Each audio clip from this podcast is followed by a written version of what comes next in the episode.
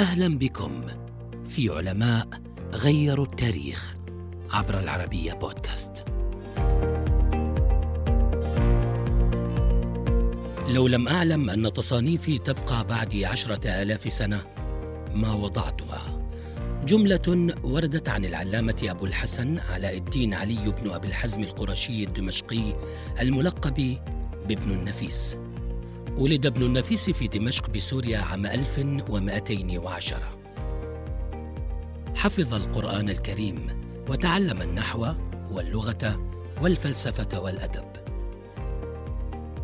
لم يتزوج ابن النفيس قط وتفرغ للعلم وتدوين أفكاره في مجالات عديدة. درس الطب في البيمارستان النوري والتي كانت أعظم جامعة طبية في الشرق.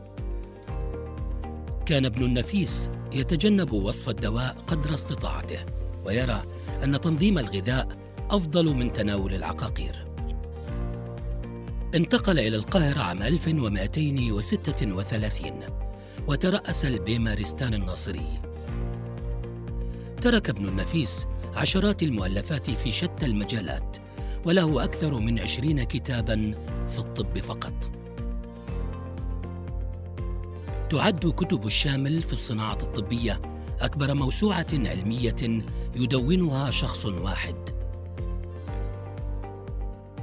عكف ابن النفيس سنوات في كتابتها، وكان من المفترض أن تتكون من 300 مجلد، إلا أنه أنهى منها ثمانين فقط.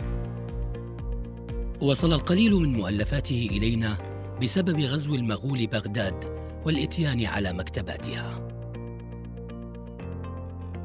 كتاب شرح تشريح القانون لابن سينا من أهم إسهاماته الطبية إذ رفض فيه بجرأة أفكار الطبيب الإغريقي جالينيوس وابن سينا وأنكر ملاحظاتهما حيث قدم فيه وصفا علميا مبنيا على ملاحظات دقيقة للدورة الدموية الصغرى.